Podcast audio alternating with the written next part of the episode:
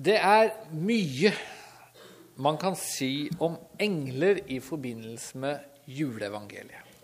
Mange fortellinger om engler i Lukas kapittel 2, eh, men også i Lukas kapittel 1. Eh, og det er egentlig en kort setning, seks ord, i Lukas 1 som jeg har tenkt å snakke mest om i dag. Seks ord som en engel sier til Maria i forbindelse med at hun får beskjed om å bli vi kan kanskje si Guds mor, at hun skal føde Jesus. Men før det så har jeg lyst til å si noen ord om engler og om Lukas 1. For det er et spesielt kapittel. Hvis du leser gjennom hele Lukasevangeliet, og så leser du Lukas 1 en gang til, det første kapittelet, så ser du at, at det skiller seg virkelig ut. Det skiller seg ut fordi det er fullt av kvinner. Det er fullt av engler. Det er fullt av eh, graviditeter. Og det er fullt av litt gammeltestamentlige lovsanger, faktisk. Og det er et langt kapittel, det er derfor det er fullt av så mye forskjellig. Det er vel eh, et av de lengste kapitlene i Bibelen, 80 vers. Og Jeg skal ikke si noe om alle disse tingene som er spesielt med Lukas 1, men to ting. Og Det første det er at dette er altså et kapittel fullt av kvinner og graviditeter. Det syns jeg faktisk det er et poeng en gang iblant å si. Fordi det er jo veldig mange, vi hører det veldig ofte, at Bibelen er så kvinnefiendtlig. Og kvinner de er ikke viktige i Bibelen og i kristen tro. Leser man Lukas 1, så blir man overbevist om at det er helt feil. Der er det kvinnene som er i hovedrollen, som er de viktige. Og det er faktisk kvinnene i Lukas 1 eh, som fremstår som de Det blir kanskje galt å si de stiligste, men det var liksom det som falt ned i hodet mitt nå. Men de, de, liksom, de tøffeste personene, det er kvinnene. Det er to menn der, eh, og det er Sakarias. Og han vil ikke høre på Gud, så han blir stum. Og så er det Josef, som i Lukas har en veldig sånn tilbaketrukket posisjon. Og så er det Elisabeth, og så er det Maria, som er hovedpersonene, og som er Guds tjenere på en helt spesiell måte. Elisabeth, den gamle kvinnen, som blir gravid med døperen Johannes eh, etter at hun egentlig kunne få barn. Og så er det Maria, den veldig unge kvinnen som blir gravid med Jesus. Og så fremstiller Lukas 1 begge disse som store forbilder når det gjelder det å tjene Gud og gjøre etter hans vilje. Det var det første. Det andre det er at Lukas 1 altså er et kapittel fullt av engler. Og det er jo blitt veldig moderne. Eh, I vår tid Vi snakker ikke minst pga. prinsesse eh, Märtha. Så snakker vi jo, hører mye om engleskolen, og jeg skjønner vel at det har vært litt ekstra fokus på disse kantralandene i det siste. Og da blir det jo litt viktig da, å tenke over for oss som tror på Bibelen. Er det de samme englene det er snakk om? Er de nyreligiøse englene de samme som englene i Bibelen. Og det er jeg ganske sikker på at de ikke er. Veldig store forskjeller. Og det viktigste forskjellen det er egentlig denne. Og da hadde jeg tenkt å lese vers 19 i Lukas 1. Og da er det engelen Gabriel som sier det sånn til Sakarias. Jeg er engelen Gabriel, som står for Guds åsyn Jeg er sendt for å tale til deg og bringe deg dette gledesbud.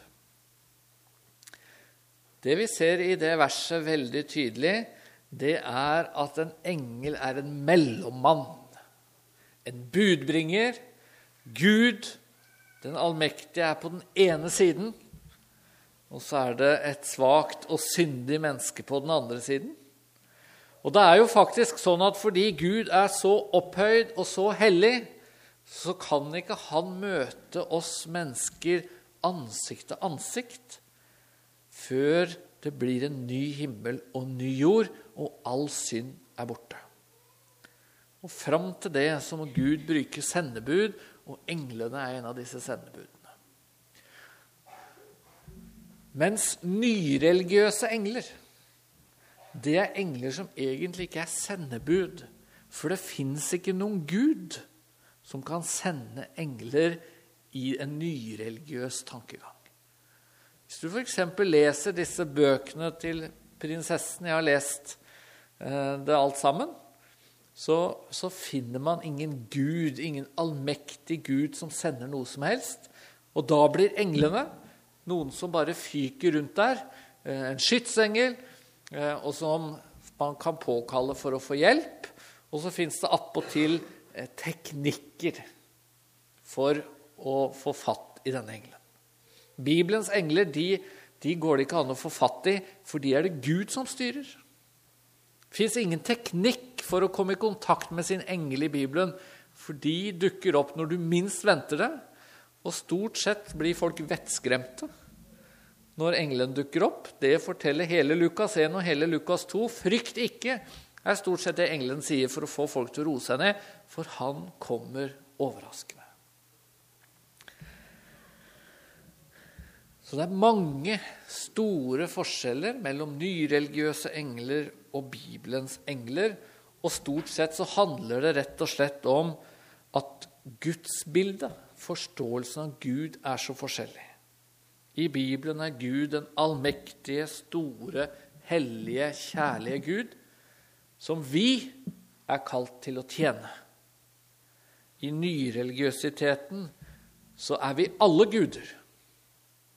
Og så bør vi prøve å få fatt i en engel som kan tjene oss. Og det blir noe annet. Nå til dette verset, som jeg har lyst til å si litt om ordene fra en engel i Lukas 1, 37. Jeg skal bare lese disse seks ordene som engelen sier til Maria etter å ha fortalt henne at hun skal bli gravid. For ingenting er umulig for Gud. Det er hele vers 37 i Lukas 1. For ingenting er umulig for Gud. Og Det er fint det, at det er en engel som sier de orda. For det gir oss en ekstra stor grunn til å tro på dem. Dette er ikke menneskeord. Det er ikke bare et håp. Dette er et budskap fra Gud som en engel gir Maria. Ingenting er umulig for Gud. Og så hadde det vært spennende å hørt hva hver enkelt av dere tenker når man møter den setningen. Ingenting er umulig for Gud. Er det en setning som, som du syns er flott? Som du tenker så, så bra å tro på en Gud som ingenting er umulig for. Eller er du kanskje en av de som tenker at det, den setningen den er litt for sterk? Den er litt for voldsom. For det, er jo ikke sånn jeg opplever livet som en kristen. Og det er helt sikkert noen her som har opplevd i livet generelt eller i forbindelse med bønnelivet sitt at det virker ikke som at Gud kan alt. At ingenting er umulig for han. For han har jo ikke svart på bønner som jeg har bedt mange ganger.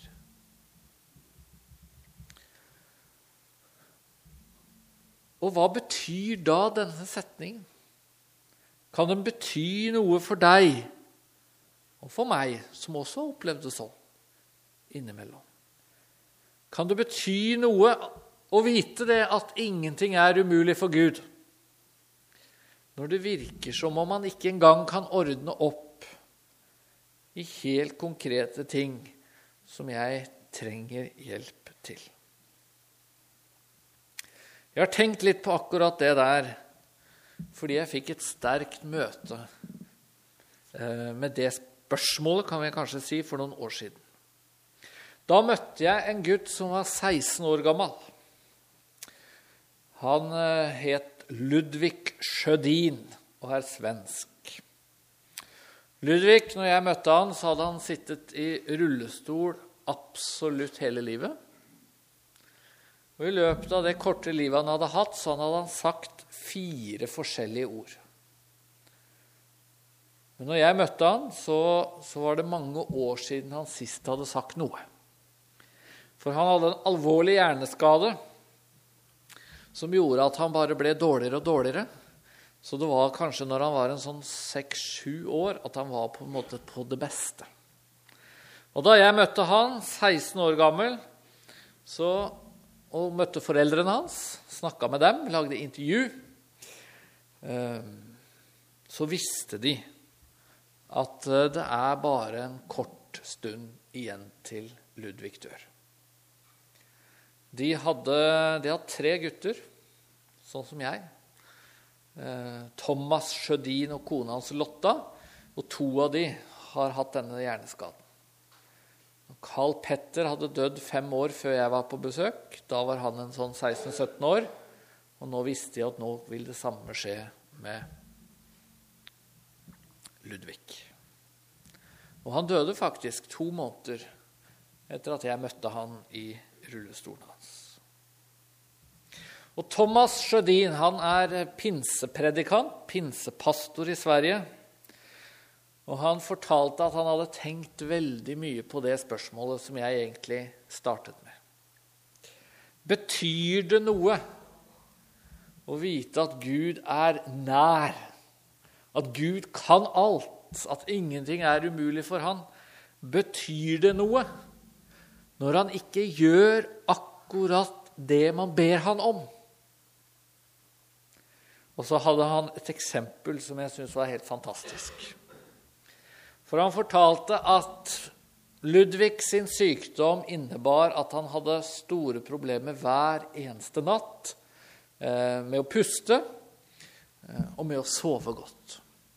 Og Så fortalte Thomas at han i løpet av noen år så hadde han hørt kona si mange tusen ganger ved siden av senga til Ludvig så hadde hun stått der, stryket over han og sagt, 'Mamma er her. Mamma er her.' Og så var det jo så fortvila for, for hun at hun kunne jo faktisk ikke gjøre noe. Kunne ikke gjøre noe for denne lille gutten eller denne gutten på 16 som hadde vanskeligheter med å puste, og som var i ferd med egentlig å dø en sakte død. Kunne ikke gjøre noe, kunne ikke fjerne smertene, kunne ikke hjelpe. Men det hun gjorde, det var å stryke over han og si 'Mamma er her'. Og så sa Thomas at sånn vil jeg tenke om Gud. Og sånn kan vi tenke om setningen 'ingenting er umulig for Gud. At selv om han ikke nødvendigvis gjør ting akkurat som vi ønsker, og som vi skulle ønske, og som vi tenker, så er han der. På samme måte som en mor kan stå ved siden av et barn som har vondt, og si 'mamma er her', så er det faktisk noe Gud vil si til oss også. Jeg er her. Ingenting er umulig for meg. Jeg kan. Og da tenker jeg, da betyr det noe, da. Da kan det også bety noe for deg som kanskje har litt for mange spørsmålstegn i livet ditt til at du syns det er behagelig. Kanskje kan det bety noe for deg også at Gud kan Altså at ingenting er umulig for Gud. Ingenting. Selv om du ikke forstår hvorfor han ikke gjør noe akkurat for deg akkurat nå.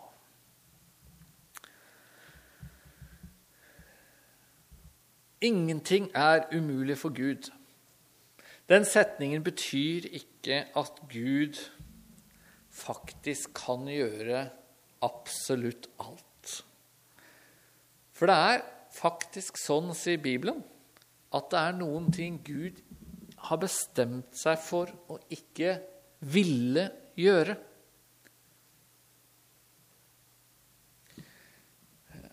Da jeg var sånn 17-18 år, så gikk jeg på Tønsberg gymnas. Og plutselig en dag så dukka det opp en gutt fra Asker som skulle begynne i samme klasse som meg, og som havna på pulten ved siden av meg. Og Jeg tror ikke vi hadde snakka sammen i mer enn en time eller to. Så fant han ut at jeg var kristen.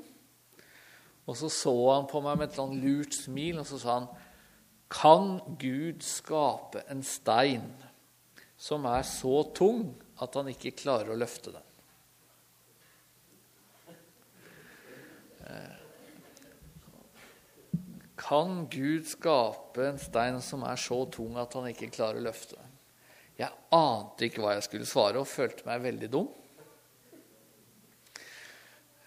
Men jeg tror jeg kan si at siden den dagen så har jeg fundert litt på det der med Guds allmakt. Ingenting er umulig for Gud. Altså, hva betyr det egentlig? Og så har jeg etter hvert lært og lest og forstått at, at det spørsmålet fra denne klassekameraten min, det burde jeg egentlig avfeid.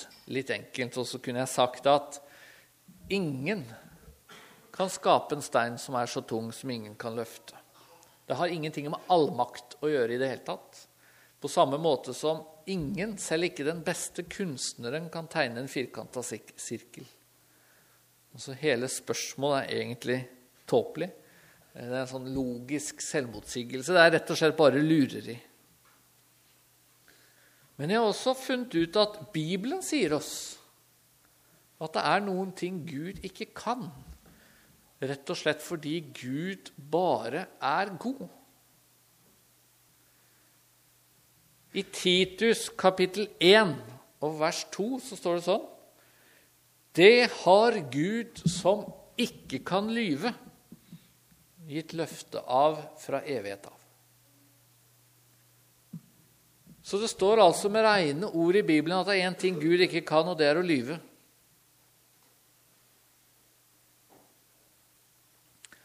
Og så kan han heller ikke svikte.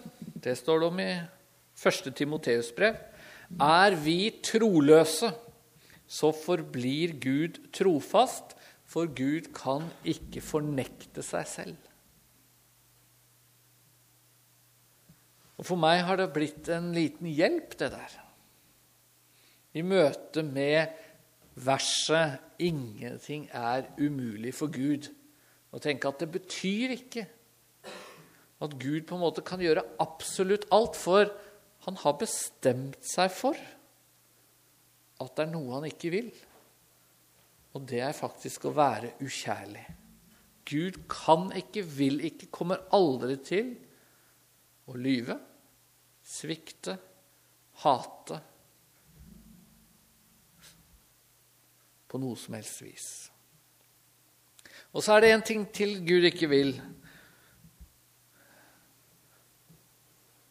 Og det er å utrydde alt ondt akkurat nå. For Gud kunne jo lagd et paradis her og nå. Gud kunne ha fjernet alt vondt, all synd, alt sammen nå. Da er det én ting som ville skjedd som Gud ikke vil, og det er at mennesker hadde gått fortapt, som han fortsatt venter på at skal omvende seg. Gud vil frelse fler. Det er derfor vi har misjonærer i Indonesia også, i Kina, i Peru, i Sør-Amerika. Mye av det som har vært i fokus her. Fordi det fortsatt er tid for at mennesker kan omvende seg. Og Hvis man leser statistikk, så virker det jo som Gud vet hvorfor han venter. For det har aldri noen gang i verdenshistorien vært flere mennesker som blir kristne hver dag enn det er akkurat nå. Derfor er det godt at selv om ingenting er umulig for Gud, så lar Gud denne verden gå sin skjeve gang enda litt til, så enda flere kan ta imot